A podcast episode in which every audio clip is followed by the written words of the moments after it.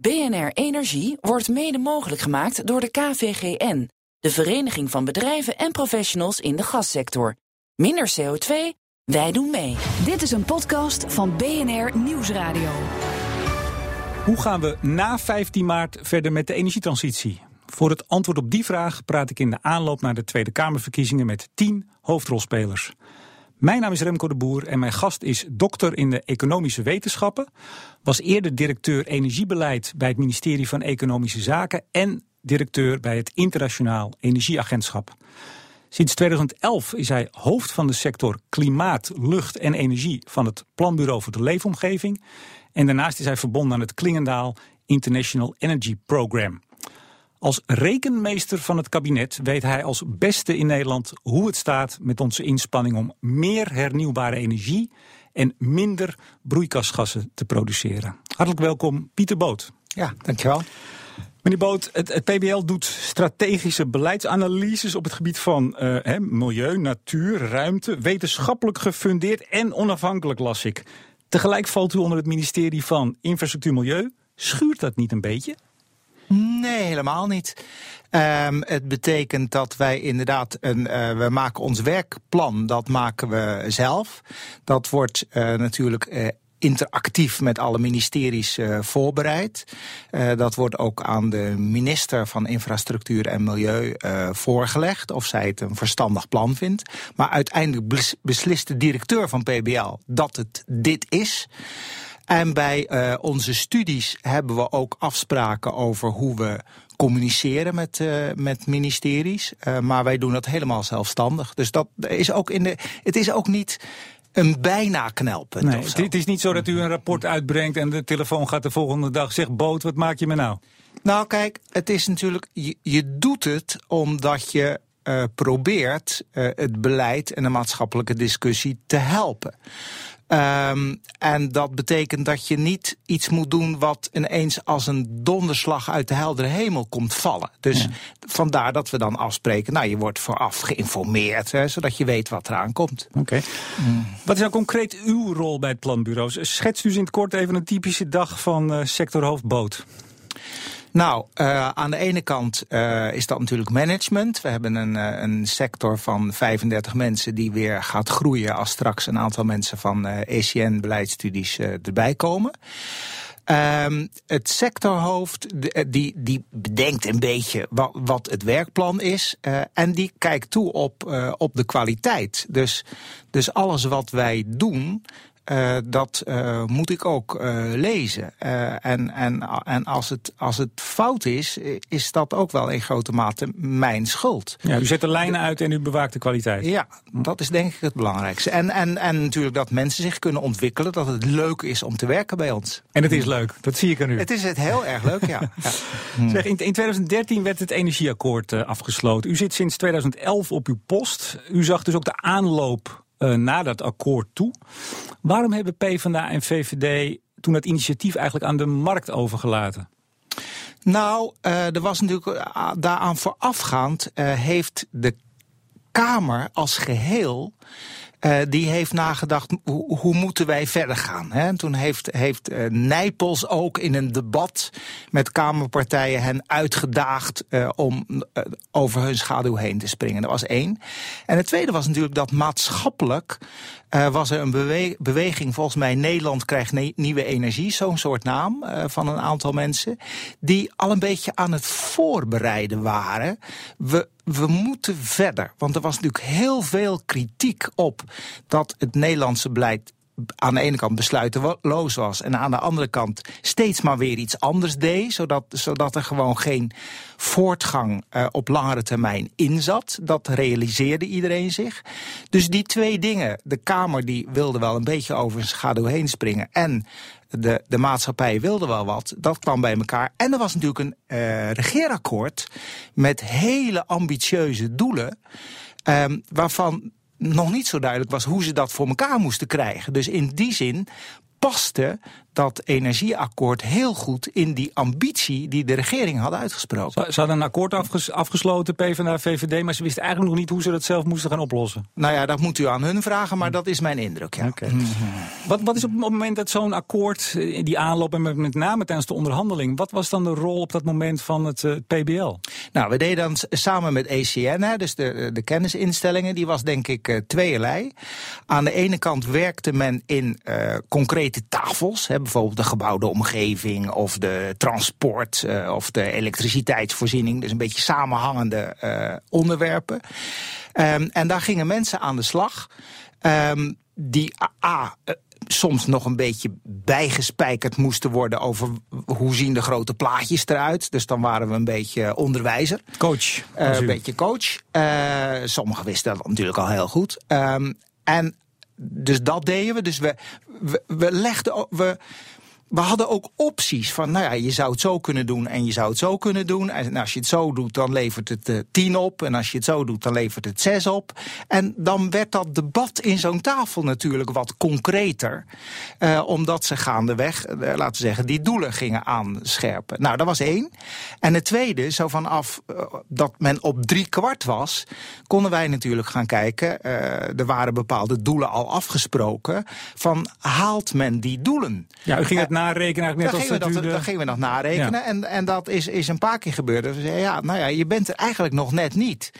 Uh, en dan, uh, dan ging men nog een beetje verder. Nou ja, eigenlijk net zo lang tot het geld op was. Ja.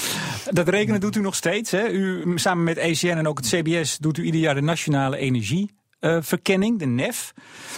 De laatste vorig jaar, het najaar vorig jaar. We zijn op koers, zegt minister Kamp. Uh, de milieubeweging die zegt, nou, dat, dat willen we nog allemaal wel eens zien. Hoe staan we daar nou echt voor op dit moment? Nou, in de laatste NEF is gezegd bij, uh, bij hernieuwbare energie. Dan, um, nou, dan halen we dat doel van 2023 bijna.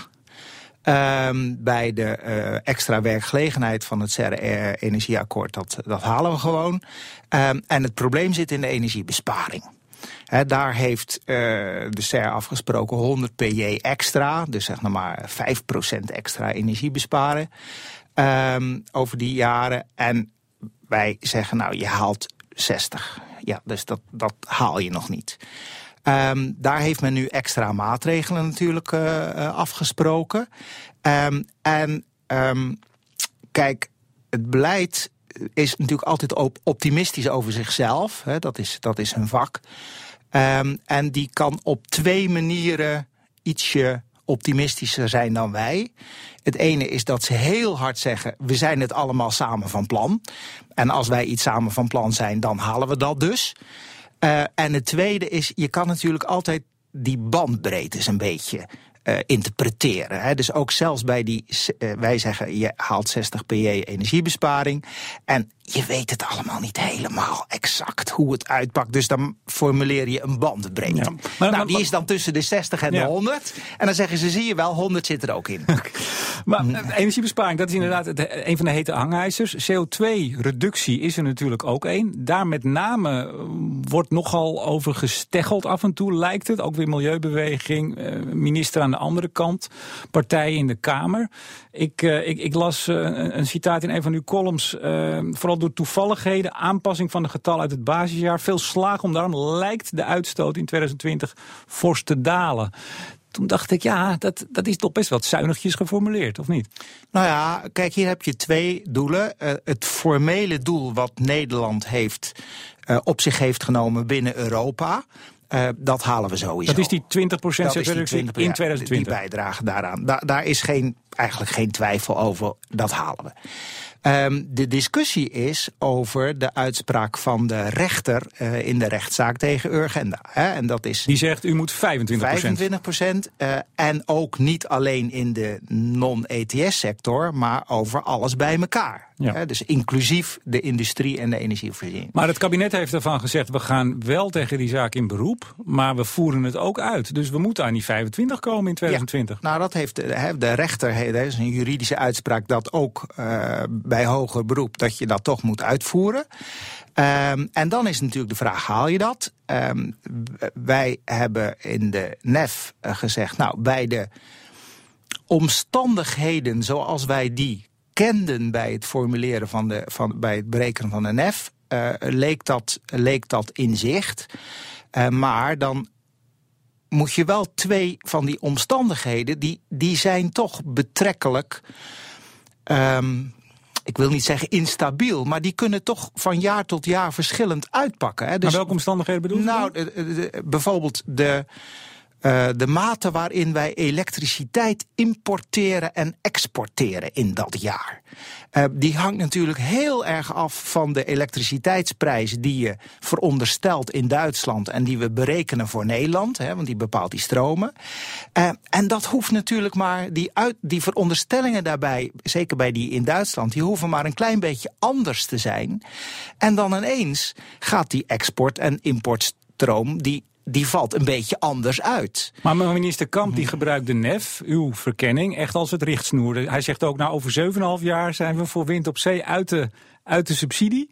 En dat baseert hij dan op de Nationale Energieverkenning, die ook een voorspelling doet over de elektriciteitsprijs over 7,5 jaar.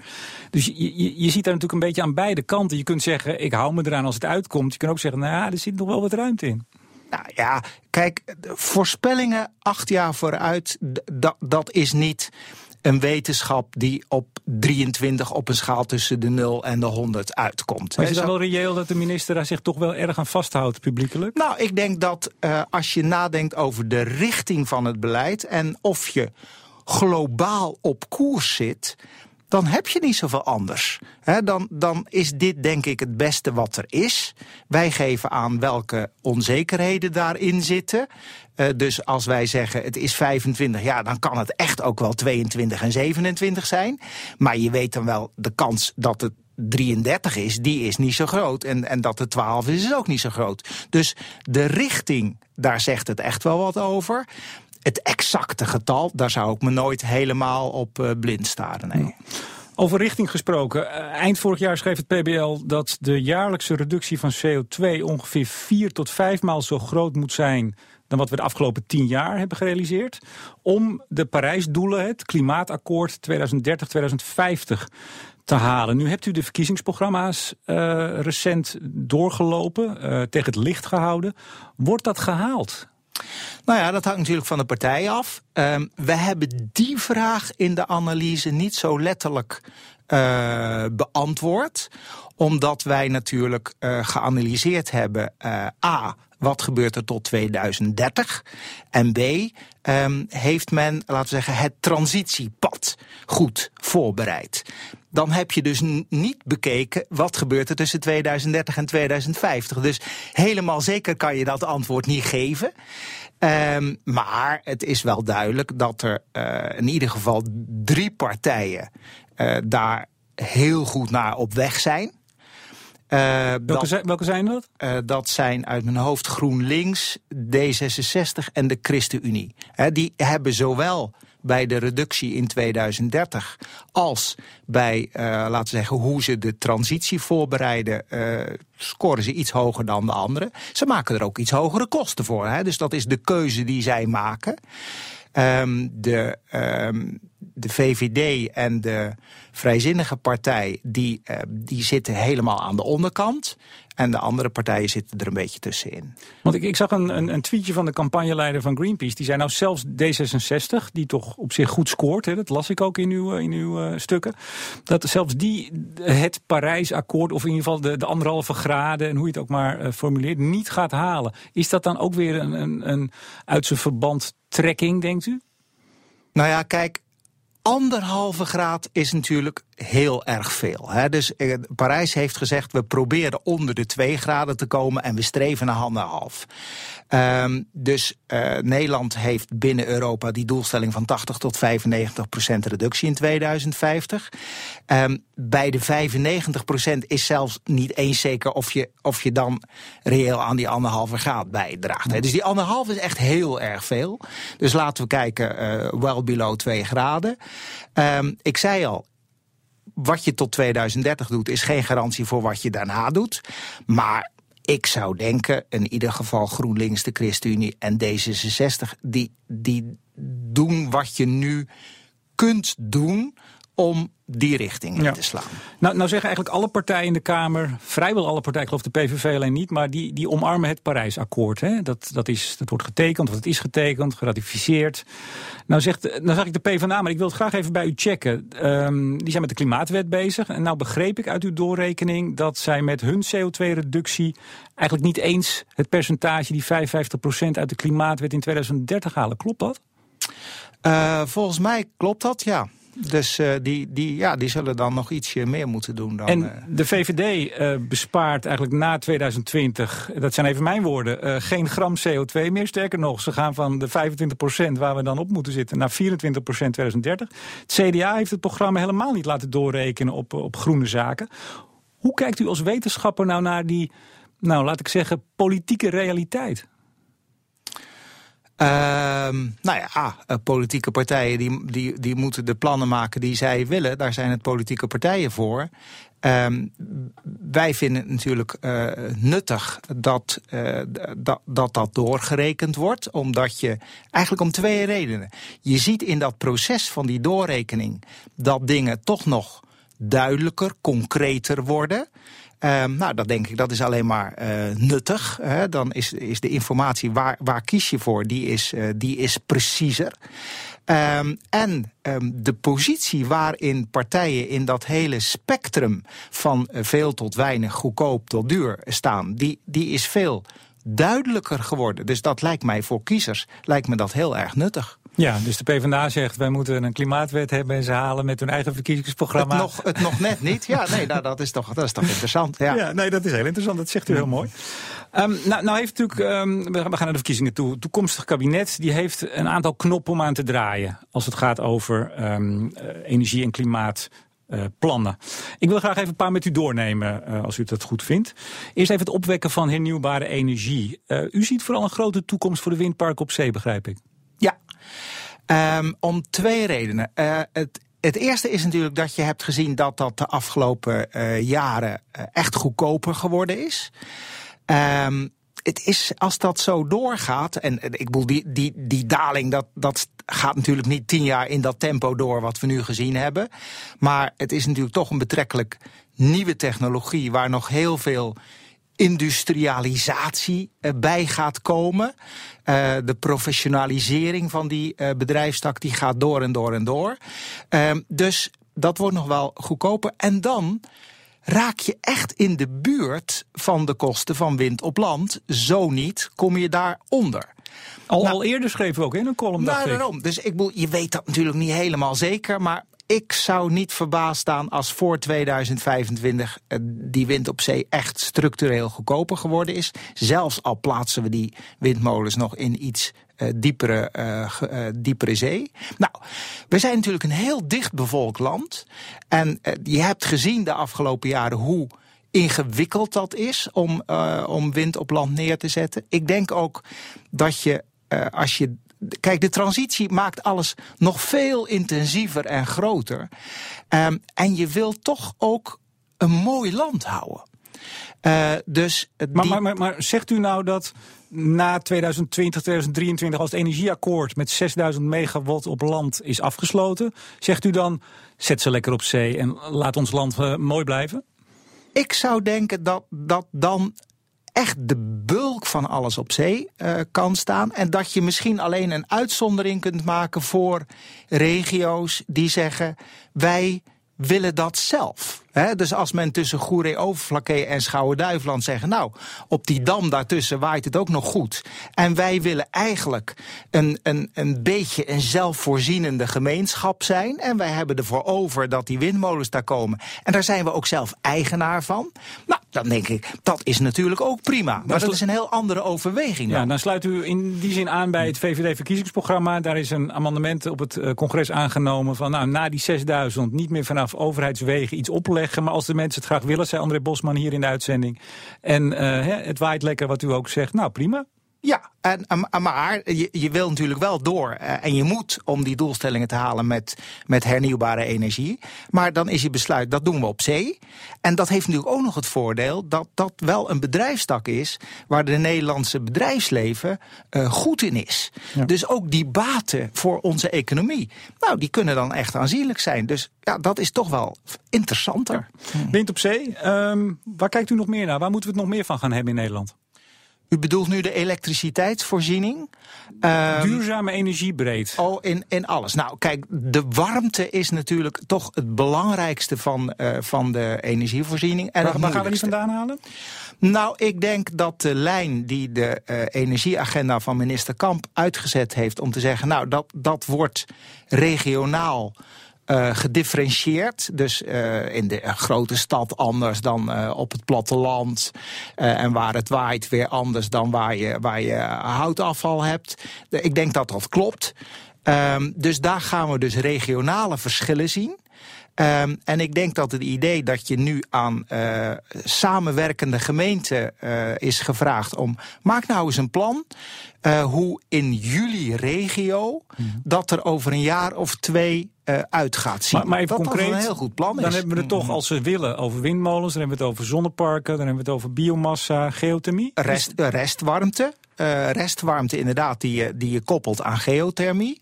Um, de elektriciteit. Hè, we, ik denk toch dat het idee van die hybride warmtepompen... en daarna helemaal volledig elektrische warmtepompen... dat gaat natuurlijk Sorry, ook nog een enorme vaart, vaart nemen. Excuus, hybride warmtepompen is nog een beetje gas dat is nog en een beetje, stroom. Ja, ja, Dat is het, en dat is, heeft natuurlijk het voordeel... dat je normaal op elektriciteit verwarmt met die warmtepomp... maar op het moment dat het heel koud is echt heel koud, uh, heb je dan nog een terugval op gas. En daarom hoef je die elektriciteitsleidingen niet gigantisch te verzwaren, zodat ze die ene keer in 30 jaar min 17 graden aan kunnen. Hè, wat nu de gasleidingen moeten, moeten dragen. Maar dat laat je dan het gas nog doen. En die leidingen die hebben we. Dus die, die hele, die, het lijkt bijna een mode aan te worden om in ieder geval te roepen voor veel bestuurders. We moeten zo snel mogelijk van het gas af en ook van die gasleidingen. Ik hoor u zeggen, nou die gasleidingen laat die nou nog heel even zitten. Ik denk nou, dat past natuurlijk in dat beeld wat ik zei van bekijk dat per gemeente. Uh, en bekijk dat misschien zelfs, een gemeente gaat dat dan per wijk bekijken. Ja, en waar het gasnet natuurlijk totaal versleten is, uh, is de reden om het op te ruimen. Maar dat is echt niet overal zo. Nee. Hernieuwbare energie hebben we het over gehad. Dat is een van de knoppen, een van de manieren natuurlijk om aan onze doelstellingen te voldoen. Een andere is um, ja, CO2, de prijs van CO2. Laten we dat gewoon wat duurder maken, meneer Boot. Dan zijn we toch van alles af?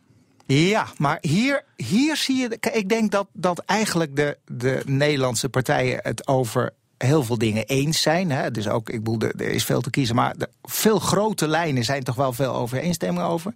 Maar hier zie je verschillen. Uh, want uh, de, uh, de ene denkrichting die zegt ja.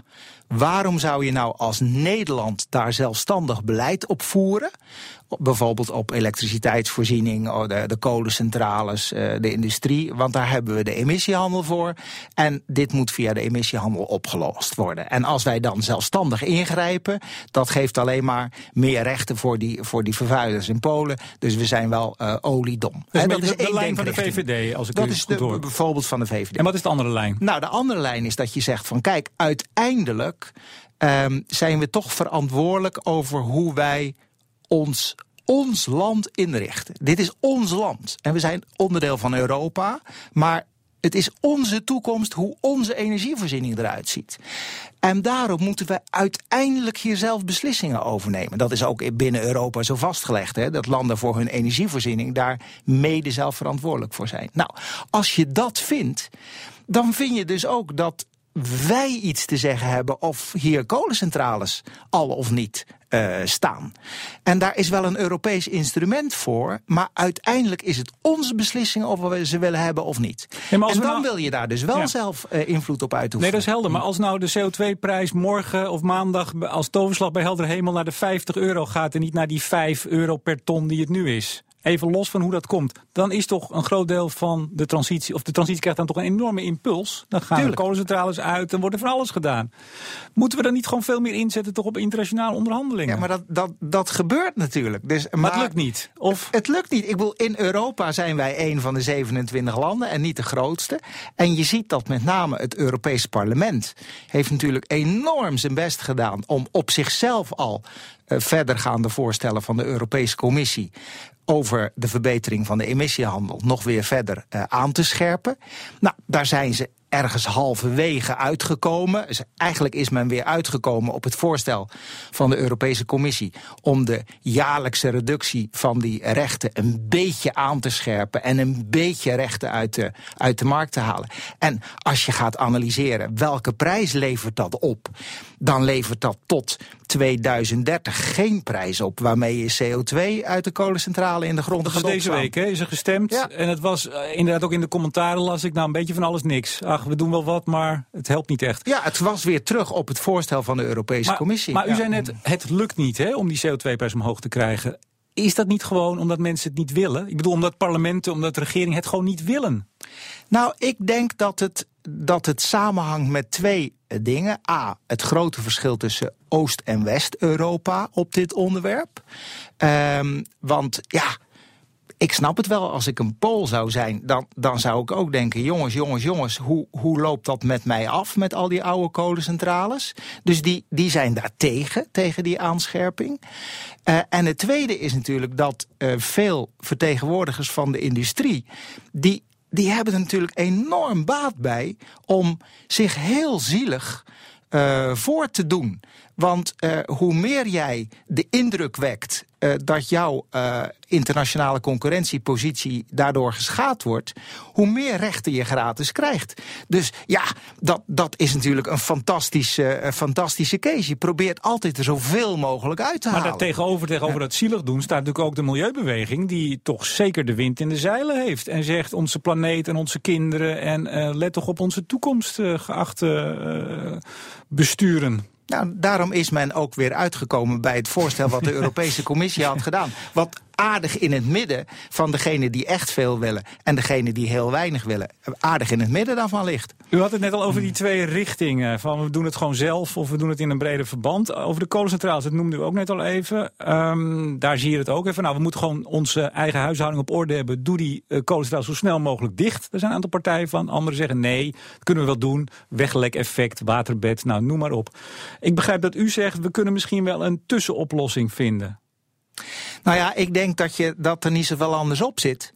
Uh, want. Um, maar hoe ziet die oplossing eruit van? u? Nou, de, de, het is natuurlijk een heel moeilijk vraagstuk. Hè? Dus ik ben nou, nou ook niet, laten we zeggen, de, de, de waarzegger die alles weet. Nou, welke richting? Maar, we het over een richting. En welke nou, richting ja, gaan we op? Ik denk, er zitten een paar elementen in de richting die je kan bedenken. Uh, het eerste is, ik denk niet dat het verstandig is om je te richten op zijn die centrales er nu, maar je kan je beter richten op hoe zorgen we ervoor dat ze minder broeikasgassen uitstoten. En wat is dan een, nou, wat dat is dan een is dat, dat op termijn, als je dat niet zou subsidiëren, als je daar biomassa in gooit, nou, dan zijn ze alweer een beetje schoner.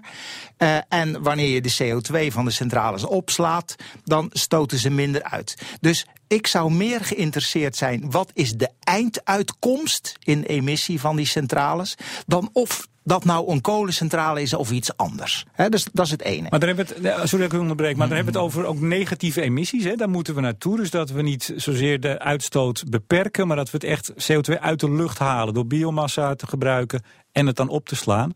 Nou begrijp ik ook, ook daar is de milieubeweging, die is daar zeer huiverig voor. Die zijn bang als we dat gaan opslaan. Ten eerste zeggen ze de techniek is nog niet zo ver, het is heel duur. En ze zien het als een soort vrijbrief min of meer. Van ja, dan wordt die uitstoot ook niet beperkt boven de grond als we het onder de grond stoppen. Hebben zij een punt? Ja, dat is natuurlijk een reëel ri risico.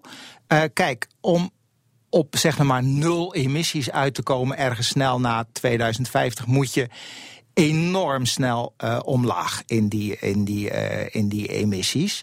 En um, het is natuurlijk waar dat je, wij denken in de terminologie van een koolstofbudget. Hè. Je kan eigenlijk als wereld, en daarbinnen kan je weer uitrekenen als land, een bepaalde hoeveelheid uh, CO2 uh, uitstoten. En wanneer je aan het eind van dat je op nul zit ook nog nul emissies, uh, nog negatieve emissies hebt, dan kan je je permitteren om dat pad ietsje trager te doen. Nou, en nou is natuurlijk de vraag: denk je dit is verstandig? Want ik kan wel een enorm snel pad bedenken, maar in de praktijk gaat dat natuurlijk toch niet gebeuren. Nou, dan is het fijn dat je die negatieve emissies aan het eind nog hebt.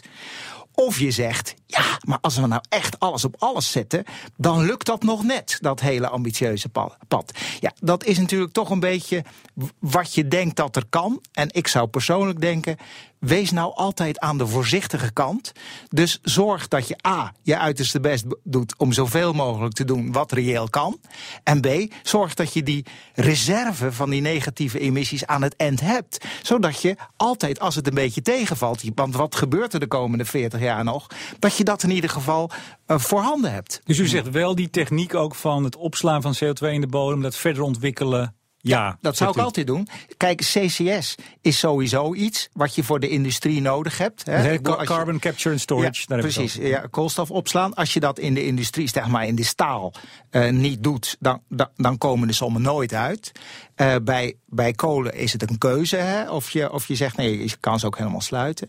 Um, dus die technologie die heb je toch nodig. En experimenteer dan ook met biomassa, want dat is natuurlijk weer nog weer ingewikkelder. Uh, nou, in de Kamer wordt daar wat anders over gedacht. Hè? Biomassa, houtsnippersubsidie, zo snel mogelijk stoppen met bomen verbranden, hoor ik altijd. Ja, maar dat is gewoon weer een andere vraag. Hè? Dat, dat is de vraag. Wil je nu heel veel bestaande biomassa-technologie toepassen om je doelen van 2020 te halen. Terwijl ik het meer heb op zorg ervoor dat je ook de nieuwste technologieën van biomassa, vergassing, van laten we zeggen ook van met resten van biomassa slimmer omgaan. Dat je die allemaal op orde hebt op het moment dat je ze nodig hebt. Helder. We, we hebben het over een paar knoppen gehad waaraan gedraaid kan worden het nieuwe kabinet. Er wordt inmiddels gewerkt aan een klimaatwet. Um, de Raad voor de Leefomgeving en Infrastructuur noemde dat een, een flinke tijd geleden al. Van, nou, dat is, wel, uh, dat is wel nuttig. Inmiddels hebben heel veel partijen, letterlijk politieke partijen... maar ook maatschappelijke organisaties, bedrijfsleven... die vraagt daar ook om. Er zijn meer landen die er al een hebben. Uh, Denemarken, Finland. U zegt zo'n wet alleen brengt geen transitie tot stand. Wat is er nog meer nodig? Nou, ik denk wel dat de wet heel nuttig is... Uh, omdat die de over. Kijk, een wet spreekt de overheid aan. Hè? Um, uh, de overheidspartijen moeten daarna handelen. Dus het is voor de overheid een makkelijker manier om zijn lange termijn rug recht te houden. Nou, dat is altijd nuttig. Um, maar dat is, alleen is niet genoeg, zegt u? Nee, het is niet genoeg, want door alleen een wet uh, krijg je niet de maatschappij in beweging. Hè? Mensen die uh, laten we zeggen, in debat zijn of er in hun omgeving een windmolen moet komen, uh, die worden niet meer of minder geïnspireerd door het feit dat er een landelijke wet is. Hoe krijgen we ze wel in beweging? Nou, ik denk dat er op dit moment al een heleboel beweging is. Uh, aan de ene kant zie je dat natuurlijk in steden. Uh, waar, uh, waar mensen aan nadenken zijn over, nou, hoe moet dat met de warmtevoorziening en uh, dat soort dingen. Dus grote steden. Aan de andere kant zie je het op het platteland. Hè? Dus ik noemde al zo'n eiland als Goeree-Overflakkee. Daarvoor was het Texel. Vaak genoeg zijn het eilanden, dat is heel grappig. Um, daar is men toch enorm bezig om te kijken van jongens, hoe kunnen wij richting duurzaamheid? Kan het hier niet een beetje sneller dan landelijk? Biedt dat ook niet economische kansen voor onze landbouw? En dat, dat zijn natuurlijk toch wel mooie ontwikkelingen. Hebben we niet gewoon een energieakkoord 2.0 nodig? Want als we dat niet hadden gehad, dan hadden we waarschijnlijk toch heel veel van die wind en andere uh, duurzame bronnen op dit moment niet gehad. Ik denk dat dat heel erg nuttig zou zijn en dat dat ook prima uh, samen kan met uh, zo'n klimaatwet. Het hoeft helemaal niet het een of het ander te zijn. Uh, een wet heb je om de overheid te helpen de lange termijnvisie goed te formuleren. Er, je hoeft er ook alleen maar processen in af te spreken en doelen te bepalen. En een akkoord is er uh, om uh, de kracht van de maatschappij tot de uitdrukking te brengen. Dus dat kan allebei en dat lijkt me heel erg nuttig, ja. Dus u zit midden in de materie en in Den Haag en, en u spreekt de partijen. Uh, wordt er aan gewerkt? Is de kans groot dat we zo'n energieakkoord 2.0 krijgen? Nou, dat moet u meneer Nijpels vragen, denk ik. De, wij zijn degene die, die, die helpen uitrekenen wanneer er plannen worden gemaakt. En de grote richting bepalen, dat is niet aan een kennisinstituut. De formateur die belt u straks, die zegt... Bootman, ik kom er echt niet uit. Wat moet ik als eerste doen? Uh, ik weet niet of hij dat doet, maar, maar als hij dat zou doen... dan zou ik zeggen, uh, begin met de uh, eh, SDE Plus, hè, waar nu het geld eigenlijk maar tot uh, het aflopen van het energieakkoord is geregeld. Dat is de subsidie, de subsidieregel voor de productie van, de hernieuwbare energie. energie. Ja. Uh, trek dat door tot 2030, zodat je een basis hebt om door te gaan met die wind op zee. Zodat ook de, de bedrijven die daarmee bezig zijn, die bijna dat een soort industrieel proces van hebben gemaakt, zodat, zodat die daarmee door kunnen gaan. Dat lijkt me het eerste wat nuttig is. Het tweede is, ik zou proberen een getal af te spreken van wat je in de gebouwde omgeving doet.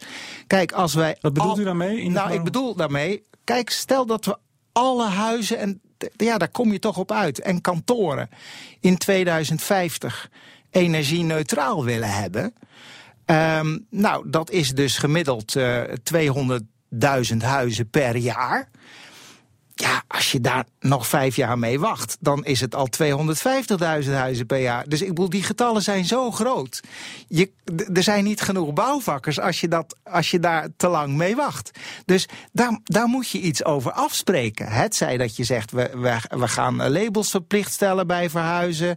Het zij hoe je het anders in regelgeving vormgeeft. Maar je, je moet daar denk ik regels en doelen voor afspreken. Dus dat is het tweede. Het derde is, er moet een beslissing over die kolencentrale genomen worden. Het zij dat je zegt, uh, over, over tien jaar willen we dat ze aan normen voldoen, of over vijf jaar. Maar je moet iets je kan zeggen, we stellen de beslissing nog twee jaar uit... en we gaan met Duitsland kijken of we eerst met hen een akkoord kunnen sluiten. Maar je moet er iets over zeggen. Uh, dat, is, uh, dat is de derde.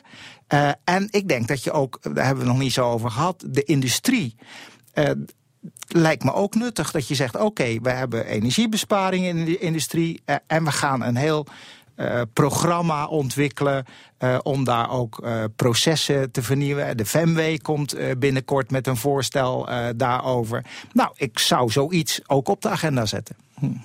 Als de formateur u niet belt, dan zorgen wij ervoor dat zodra die benoemd is, dat uh, dit gesprek uh, bij hem, hem of haar onder de aandacht zal worden gebracht. Pieter Boot, sectorhoofd Klimaat, Lucht en Energie van het Planbureau voor de Leefomgeving. Hartelijk dank.